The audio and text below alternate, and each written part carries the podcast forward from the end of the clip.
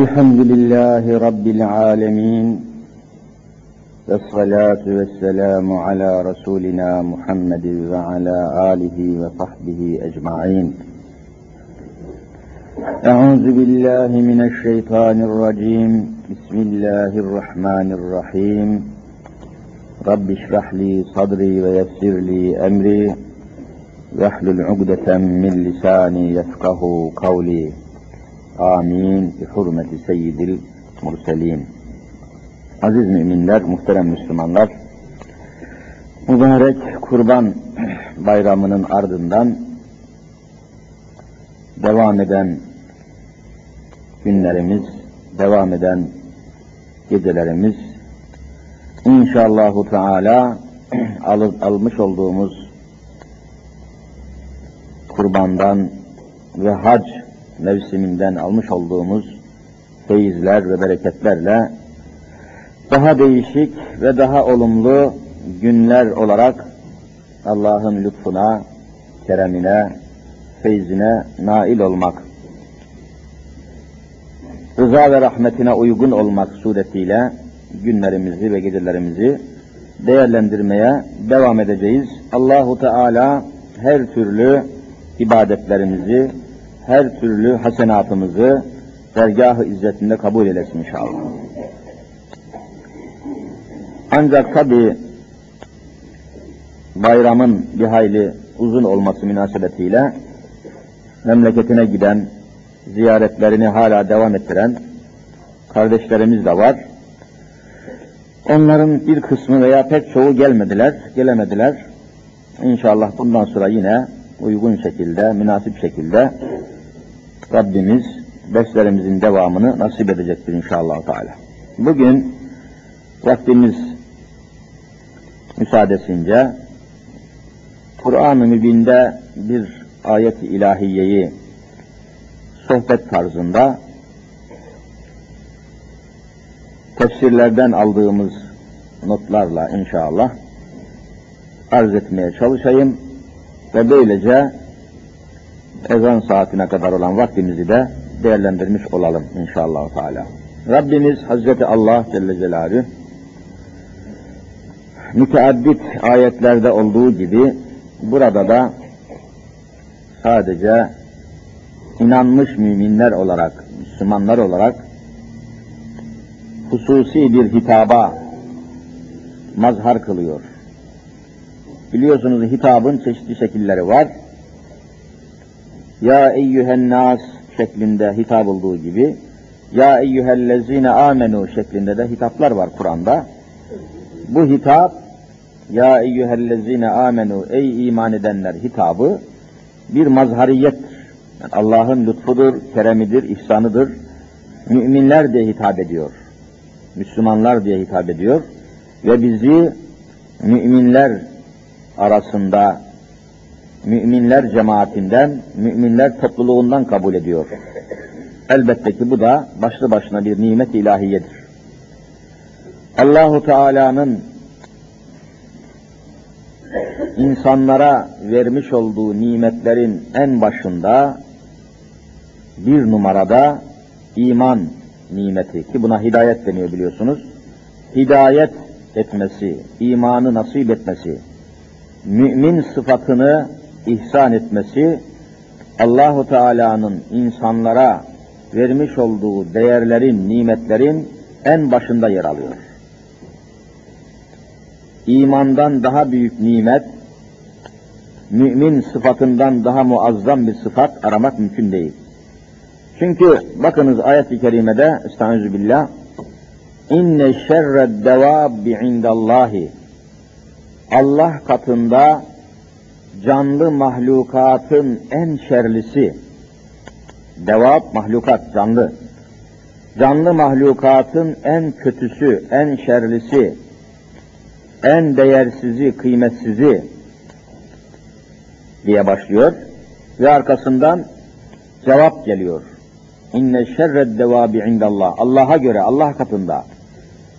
Allah'ın değerlendirmesine göre Rabbimizin verdiği ölçüler içerisinde canlı mahlukatın en kötüsü, en şerlisi kimdir? Ellezine keferu iman etmeyenlerdir. Keferu demek yani iman etmemiş, küfür içinde, ehli küfür halinde, kafir sıfatıyla yaşayan, mümin sıfatından mahrum, iman etmemiş olan topluluklar, Allah katında görüyorsunuz ki, mahlukatın ve canlı alemin en şerlisi, en belalısı, en kötüsü olarak takdim ediliyor. Fehum la yu'minun. Onlar mümin değillerdir. Onlar mümin değiller, iman etmiş değiller. Ehli küfür olarak kaldıkları sürece Allah katında canlı mahlukatın en kötüsü, en şerlisi şeklinde Kur'an-ı Kerim'de yer alıyor. O halde demek ki canlılar arasında insanlardan daha değerli ve şerefli bir varlık olmadığına göre insanların arasında da iman edenler, mümin olanlar o insanlık şerefini, insanlık izzetini, kıymetini ancak iman sayesinde iman etmek sebebiyle elde etmiş olduklarını iman etmedikleri müddetçe Allah katında insan olarak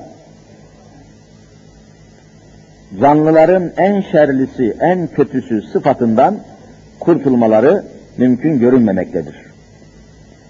Rabbimize de hamdü sena olsun ki bizi müminler sınıfında mümin sıfatıyla inanmışlar arasında saymış ve kabul etmiş, takdir etmiş ve Kur'an'da bir hayli ya eyyühellezine amenu ey müminler kitabıyla da Rabbimiz, Rabbi Rahim Zülcelal bizlere bu şekilde emirlerini, yasaklarını ve emanetlerini uhdemize göndermiş bulunuyor.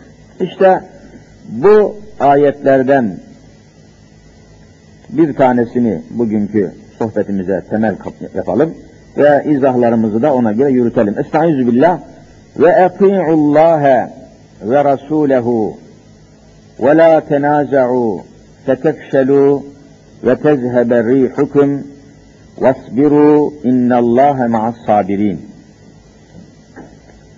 Görüldüğü gibi eti'ullâhe ey müminler, ey Müslümanlar doğrudan doğruya Allah'a itaat edin. Allah'a itaat emrediliyor. Yani Rabbimiz kendisine itaata bizi davet ediyor. Ve Resulehu Resulüne itaata davet ediyor. Yani müminler olarak boyun eğeceğimiz, itaat edeceğimiz iki varlık belirtiliyor. Birisi Allah, diğeri de Resulüdür. Müminler için, Müslümanlar için itaat edilecek iki makam var. Birisi Hazreti Allah Celle Celaluhu, diğeri de onun Resulü Hazreti Muhammed Mustafa sallallahu teala aleyhi ve sellem. Allah'a itaat etmek ne demektir? Tabi bunun da muazzam tefsirleri var. Allah'a nasıl itaat edilir? Allah'a itaat etmekten neyi anlıyoruz? Neyi kastediyoruz? Buradan maksat ne? Muradı ilahi ne? Bunu da anlamadıkça ayetleri anlamak zaten mümkün değil. Efendiler, Allah'a itaat dediğimiz zaman aklımıza Müslüman olarak, mümin olarak aklımıza gelmesi gereken tek şey Allah'ın koyduğu kanunlara. Başka türlü Allah'a itaatı anlamak mümkün değil. Allah'ın koyduğu kanunlara, esaslara, usullere, ayetlere, emirlere ve yasaklara riayet anlamında geliyor. Allah'a itaatın başka bir manası yok. Cenab-ı Hakk'ın bizden istedikleri şeyler var, yapılmasını istediği şeyler var, yapılmamasını istediği şeyler var. Yapılmasını istediği şeylere farzlar deniyor biliyorsunuz. Feraiz, farz olan Allahu Teala'nın bizzat istediği, yapınız dediği emirler var. Bunlar farzlar. Bir de yapmayınız, sakınınız, kaçınınız dediği ve bunlara da kitabımızda haram dediğimiz şeyler var. Haram dediğimiz şeyler var. Demek ki Allah'a itaat ediniz emrinin, hükmünün arkasında Allah'ın koyduğu kanunlar var, esaslar var, emirler var, yasaklar var. Allah'ın emirlerine riayet etmedikçe, Allah'ın yasaklarına uygun davranmadıkça Allah'a itaat etmekten söz etmek mümkün değil. Bütün mesele bu noktada, bu hususta Kur'an'daki temel esasları bilmek, benimsemek gerekiyor. Allah'a ve Resulüne itaat ediniz sözünün ayet-i ilahiyesinin manası Allah'ın sizden yapılmasını istediği şeyleri yapınız, yapılmasını istemediği şeyleri de yapmayınız anlamında, manasında anlamak icap ediyor. Peki Allah'ın yapılmasını istediği şeyleri biz nereden bileceğiz? Yahut da Allah'ın yapılmamasını istediği, yapmayın dediği şeyler nereden bileceğiz?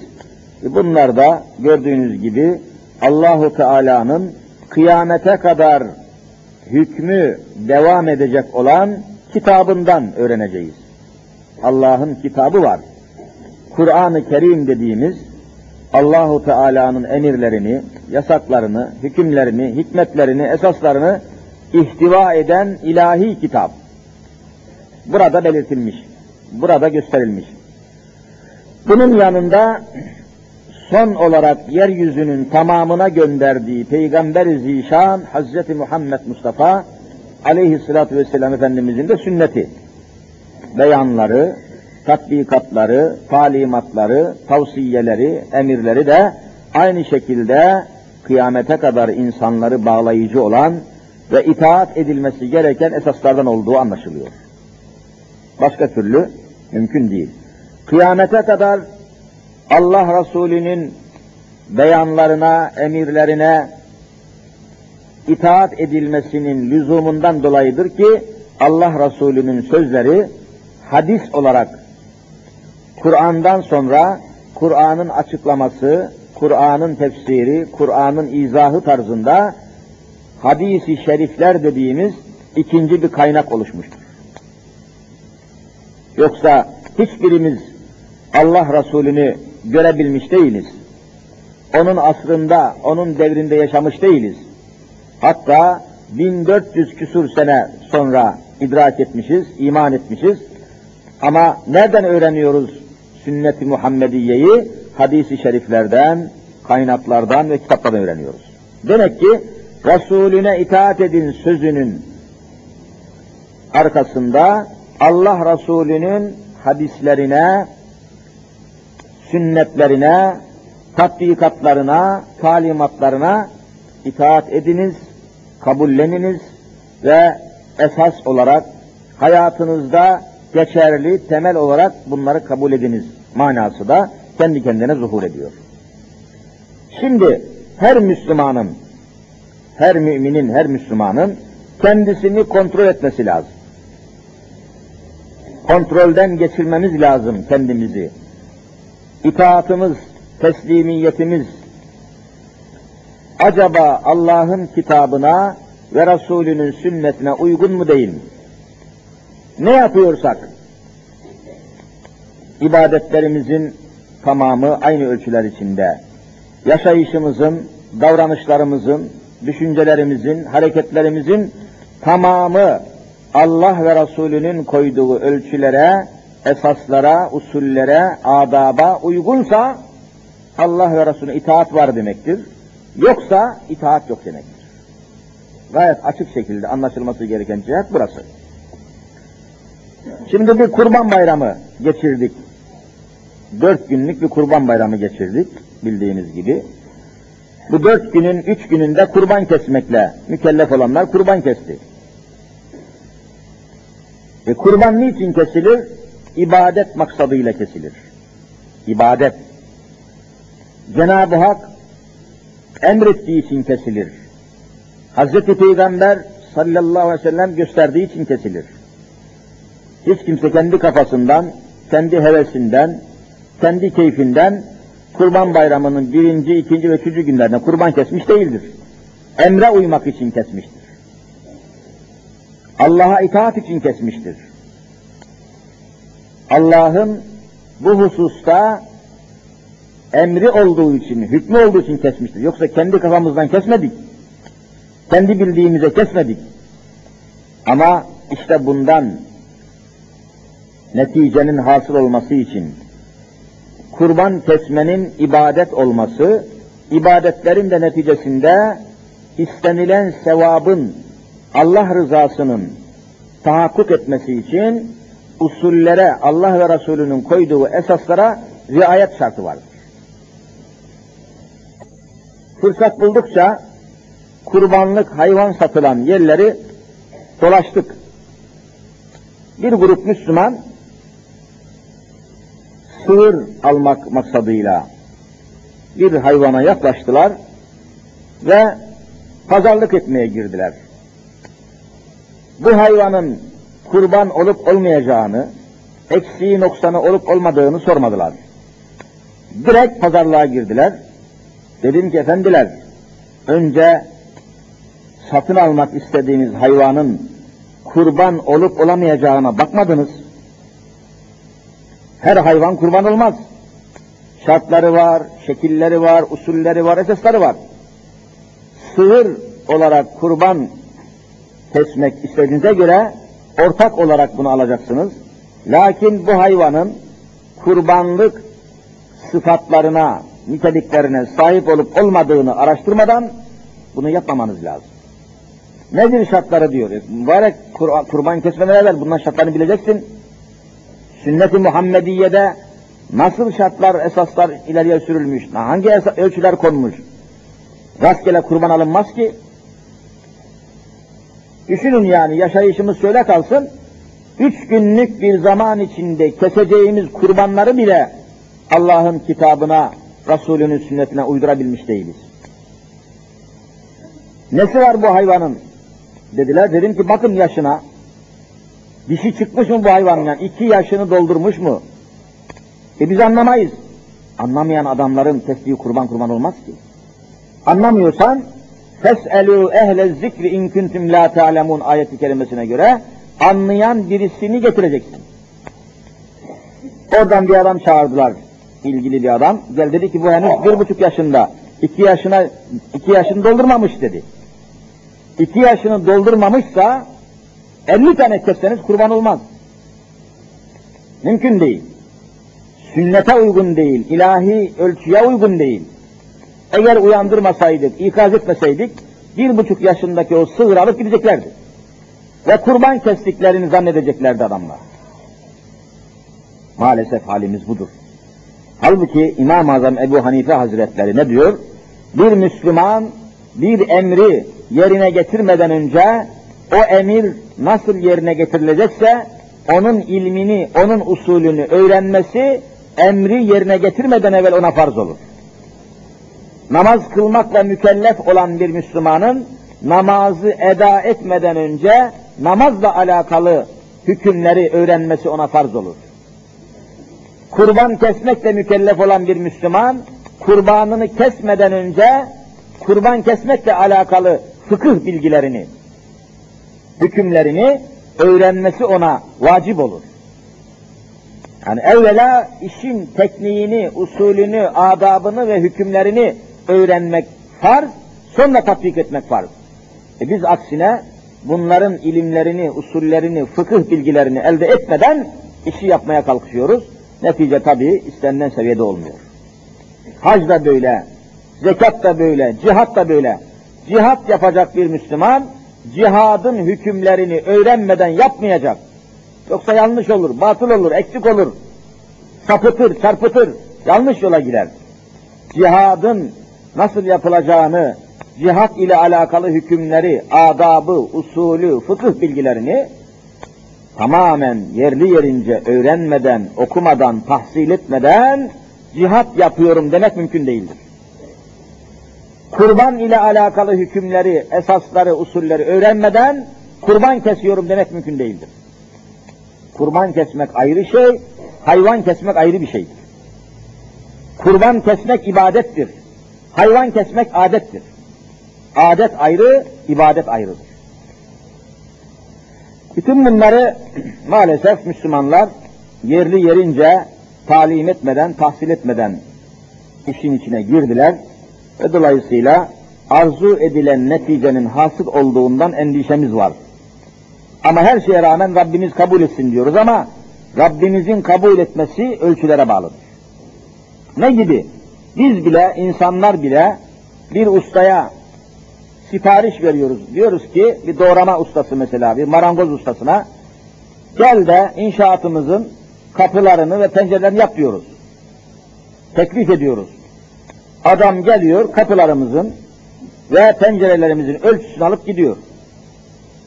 Artık hangi keresteden yapacaksa sözleşmeye göre ama hepsinden daha mühimi ölçülere göre. Kapımızın ve penceremizin ölçüsünü almış olduğuna göre o ölçülere göre yapması lazım. Diyelim ki kapıyı pencereyi yaptı, takmaya getirdi, takılmadı, ölçüye uymamış. Ya çok küçük ya çok büyük. Ölçüyü şaşırmış, ölçüyü taşırmış, ölçüyü esas kabul etmemiş, kapıyı pencereyi yapmış getirmiş, e takamıyorsunuz. Bu doğramayı, bu marangozun getirdiği bu kapı ve pencereleri kabul eder misiniz, etmez misiniz? E, etmezsiniz. Ölçüye uymamış. Kapıya uymuyor. Pencereye uymuyor. Kardeşim kusura bakma. Sen benim verdiğim yahut benim inşaatımın ölçülerine uymamışsın dersin ve gerisin geri marangozu geri gönderir. Kabul etmez. İbadetler de böyledir. Sen yap da nasıl yaparsın yap olmaz. Ölçüleri verilmemiş olsaydı dediğim doğruydu. Esasları belirtilmemiş olsaydı dediğin doğruydu. Nasıl belirtilmişse, nasıl gösterilmişse öyle yapılması lazım. Namaz da öyle, hac da öyle, zekat da öyle, oruç da öyle, kurban da öyle. Usulü İslam'da yani Allah'ın kitabında ve Peygamber-i Zişan'ın sünnetinde belirtildiği, gösterildiği, açıklandığı şekilde olacak. Aksi takdirde kabul edilmesi hususu şüpheye düşmektedir. Allah ve Resulehu da bunu anlamamız lazım. Mesela tesbih çekiyoruz namazlardan sonra. Bu tesbihatı ibadet olsun diye çekiyoruz. Hani yine aynı manada bir adet olsun diye tesbih çekilir, bir de ibadet olsun diye tesbih. Hani bazı insanın eline tesbih vardır, çekerler. Otururken çeker, yürürken çeker, gezer. Yani adet olmuş. Parmaklarını alıştırmış tesbih çekmeye. Zikir anlamında değil, ibadet anlamında değil, adet olarak tesbih çekiyor. Ama namazlardan sonra çekilen tesbih adet değil, ibadet. İbadet olması için Hazreti Peygamber aleyhissalatu vesselamın nasıl tesbih çekmişse o şekilde çekilmesi esastır. 33 defa Sübhanallah denmesi lazım. Sünnette şekli bunun bu. 33 defa Elhamdülillah denmesi lazım. 33 defa Allahu Ekber denmesi lazım. E bunu 33 değil de 32 adedine indirirseniz, 34'e çıkartırsanız bu tesbih ibadet olmaktan çıkar adet olur. Bir tek sevap alamazsınız. Niye ölçüye uymadınız? Ölçülere uyulmadığı sürece ibadet yoktur. Namazları değiştiremezsiniz. Hz. Muhammed aleyhissalatü vesselam nasıl sabah namazını kılmışsa, öğleyi, ikindiyi, akşamı, yatsıyı kılmışsa öyle kılacaksınız. Kendiliğinizden ilave etmek veya eksiltmek, değiştirmek şeklinde mümkün değil. Kıyamete kadar değişmeyecek. Değişirse ne olur? İbadet olmaktan çıkar, adet olur. İbadet ettim diyemezsiniz. Adeten bir iş olmuş olur. İşte her meselede de hayatımızın her sahasında, her meselesinde, her meşgalesinde, her davasında Allah'ın kitabına Resulünün sünnetine uygun olup olmadığını kontrolden geçirmemiz lazım. Nitekim inşaat yapıyorsunuz, imar planına uygun olup olmadığını gelip araştırıyorlar ilgili memurlar. Acaba plana uygun yapmış mı, yapmamış mı? Yapmışsa ruhsat veriyor, iskan ruhsatı, yapmamışsa vermiyor. Bakın dünyada bile bütün meseleler böyle. Bir Müslüman namaz kılıyor, oruç tutuyor, hacca gidiyor, zekat veriyor, cihad ediyor. Yahut kurban kesiyor, fitre veriyor. Eğer ortaya konan usullere, ölçülere uygun hareket etmişse ibadet sayılıyor, etmemişse ibadet sayılmıyor. Hadise bu kadar basit. Bu kadar basit. Efendim ben yaparım olur. Ben şöyle yaparsam şöyle olur. Bütün bu sözler nefsani olmaktan öteye bir mana taşımıyor. Rahmani olması için, Rabbani olması için, ilahi olması için ilahi ölçülere uygun hareket etmek şarttır. Cenab-ı Hak beşeri hayatımızın bütün safhalarını Kitabullah'a ve sünnet-i Muhammediye uydurmak için mücadele veren müminler sınıfına bizi de ilhak eylesin inşallah. Bütün hayatımız bu olacak. Peki ilahi esaslara ve Peygamber-i Zişan'ın sünnetine uygun hareket edilmezse ne olur? Ayet-i Kerime onu da delalet yoluyla ifade buyuruyor. Ve la tenaza'u Allah ve Resulünün koyduğu esaslara, kanunlara uygun hareket etmeden yaşarsanız kavgaya, ihtilafa düşersiniz diyor. Tartışmalar, çatışmalar, kapışmalar, tek kelimeyle boğuşmalar başlar. Toplumda, yaşadığınız cemiyette bir türlü barışı temin edemezsiniz. Barış dediğimiz, suh dediğimiz, sükunet dediğimiz, asayiş dediğimiz hadiseyi elde edemezsiniz. Demek ki asayişin, huzurun, barışın, selametin bir tek sebebi var, Allah ve Resulünün koyduğu esaslara uygun hareket etmek. Başka türlü mümkün değil. Baskıyla, zorlamalarla, tehditlerle, suni kanunlarla, dipçikle, askerle, polisle insanları zorla ve zorlamayla uzun zaman idare etmek mümkün değil. Mümkün değil. Fıtrata uymayan kanunlarla, insani yapısı olmayan esaslarla, adalet esasına göre düzenlenmemiş yasalarla insanları uzun süre yönetmek ebediyen mümkün değil. Ancak insanları fıtratına uygun şekilde, yaratılışına uygun biçimde idare etmeniz lazım ki o da Allah'ın koyduğu esaslar ve Resulünün gösterdiği sünnetler. Bu esaslar olacak. O zaman aksi takdirde ve la tenaza'u kapışmayın, çekişmeyin, birbirinize düşmeyin buyurmasıyla Rabbimiz demek ki Allah'a itaat edilmediği zaman, Resulüne itaat edilmediği zaman ihtilafa düşmek var. Kavgaya, çekişmeye, çatışmaya müptela olmak var. Sonu bu. Bu işin neticesi bu. Böyle olunca da ne olacak? Fetefşelu ve tezhebe rihüküm. İhtilafa düşerseniz, çekişmeye düşerseniz, birbirinizle boğuşmaya başlarsanız, fetefşelu, korkaklaşırsınız. Cesaretiniz kırılır, kuvvetiniz gider, güç ve enerjiniz tükenir, yabancılara karşı, düşmanlara karşı güçlü olmaktan aynen bugünkü yeryüzündeki Müslümanların halini fevkalade Rabbimiz beyan ediyor. Neden güçsüz olduğumuzu.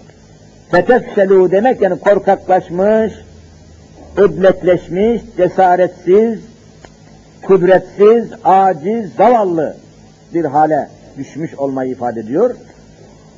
Ve tezhebe rihüküm de rih demek ruhunuz, kudretiniz, kuvvetiniz, gücünüz gider. Güçlü olmaktan çıkarsınız. Kuvvetiniz zail olur. Dolayısıyla hakim olmak çıkar, mahkum olursunuz.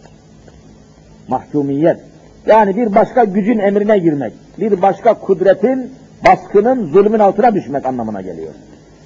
Allah'ın hükümlerine boyun eğmeyen insanlar zamanla zalimlerin hükmüne, zalimlerin, gaddarların, daha bir nice belalı insanların hükümlerine, koydukları esaslara boyun eğmek zorunda kalıyorlar.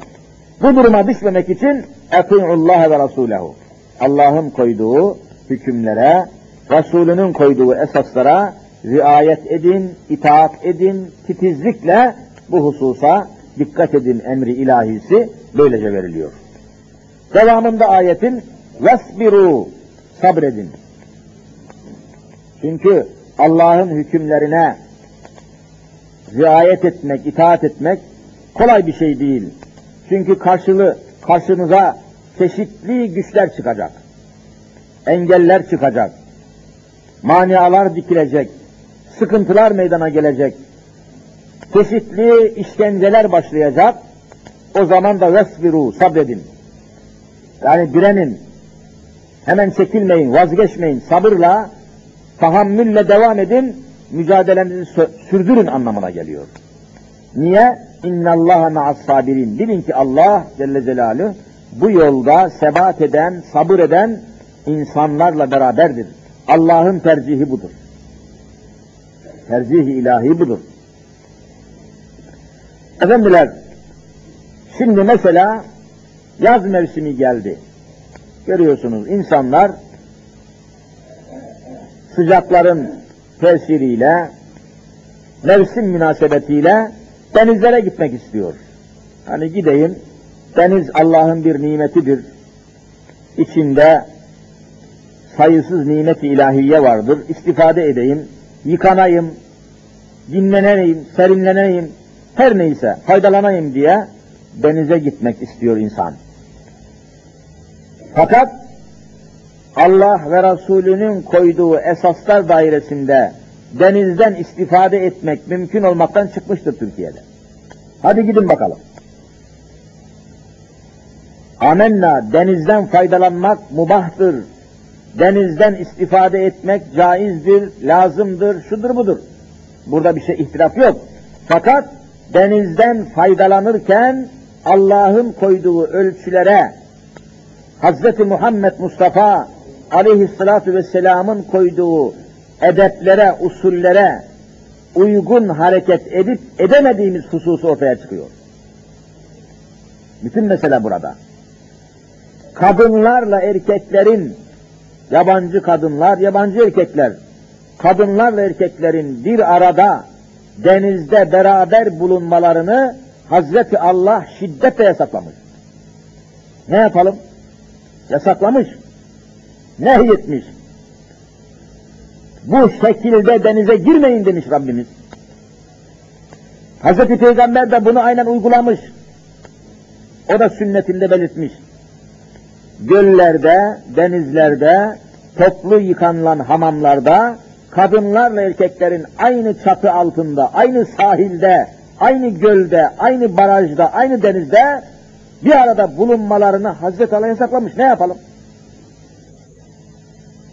Şimdi bu usullere, bu esaslara uygun olmadığı sürece denizden istifade etmeniz mümkün değil.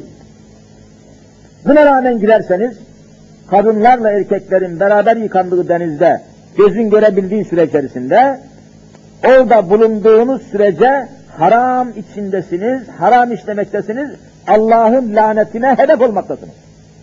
Ne yapalım? Ne yapacaksınız? Peki bu hükmü, denizlerden faydalanma hükmünü nasıl ortaya koyacaksınız? İstediğim gibi giderim diyemezsiniz Müslüman olarak. Ama gayrimüslimler ne türlü denize girerse girsin Allah ile hesapları ayrı onların. Ama Müslüman olduktan sonra ben şortunla da efendim mayoyla da şöyle de böyle de girerim diyemezsiniz. Mümkün değil. Canım onlardan bana ne? Onlar orada yıkansın ben de burada yıkanayım diyemezsiniz. Zemin aynı olduğu sürece, mekan ve mesafe aynı olduğu sürece ayrılmadığı müddetçe, bölünmediği müddetçe Allah'ın azabından, cezasından kurtulamazsınız. Nasıl olacak? Denizlerden istifade etmeyelim mi? Ormanlardan istifade etmeyelim mi? Dünyadan istifade etmeyelim mi? Edelim. Ama Allah ve Rasulehu emirlerine uygun istifade edelim. Bu da neyle olur? Müslümanların güçlenmesiyle, o memleketin, hükümetinin, devletinin ve yönetiminin Müslümanların elinde olmasıyla, Allah'ın hükümlerine göre bir devlet kurulmasıyla, Allah'ın ve Resulünün koyduğu esaslara uygun bir devlet nizamıyla ancak denizden faydalanabilirsiniz. Başka türlü gücünüz yetmez. Kimseyi gidip de sahilden kovamazsınız. Çekilin ben ayrıca yıkanacağım diyemezsiniz. Terör olur, anarşi olur, bela olur, musibet olur. Kimseye sözünüzü geçiremezsiniz. Ama devlet yönetimi İslami esaslara uygun, hükümet idaresi Kur'an'a uygun olursa, Allah ve Resulünün koyduğu ölçülere göre denizleri ayarlarsınız, kadınlar da yıkanır, siz de yıkanır. Hiçbir günah olmaz. Hadise budur. Nitekim Cezayir'de, muhakkak takip etmişsinizdir, geçen seçimlerde Müslümanların meydana getirdiği, kurduğu, hazırladığı bir hareket belediye seçimlerine girdiler. Cezayir'deki 100 belediyenin 82'sini aldılar. Bütün dünyada olay oldu biliyorsunuz. 100 belediyenin 82'sini aldılar Cezayir'de. E, belediye başkanları, Müslüman adamlar Kur'an esaslarına, peygamberin sünnetine göre beldeleri, belediyeleri idare edeceklerini söylediler halka. Söz verdiler, ahit verdiler, akit verdiler. Seçimlerden sonra da verdikleri sözleri yerine getirmeye başladılar. Ve Cezayir'de sahil belediyeleri, sahil, deniz kıyısında olan belediyeler derhal plajların yöneticilerine, o plajların sahiplerine, gazinoların sahiplerine bir yazı yazdılar. 15 güne kadar Allah ve Resulünün koyduğu esaslara uyup da kadınların yıkanacağı yeri ayrı, erkeklerin yıkanacağı yeri ayırmazsanız ruhsatınız iptal edilecektir dediler. Kadınların yıkanacağı yer ayrı olacak. Katiyen göz göze gelinmeyecek. Erkeklerin de yıkanacağı yer. Yani denizi yasaklamıyor. Ancak denizden faydalanma hususunu Allah'ın ve Resulünün esaslarına uyduruyor.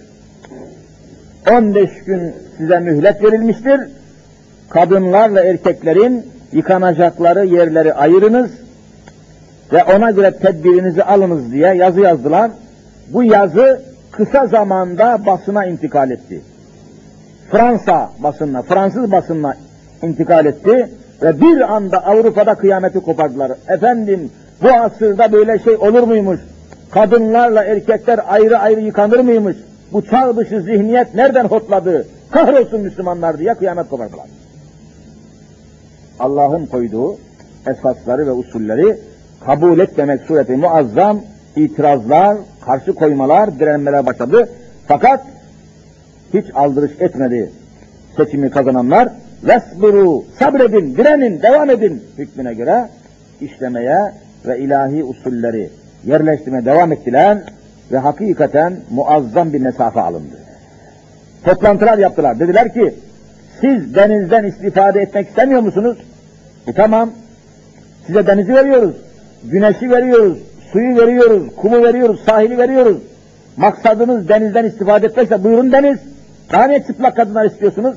Demek sizin maksadınız deniz değil, çıplak bayanları orada hazır bulmak.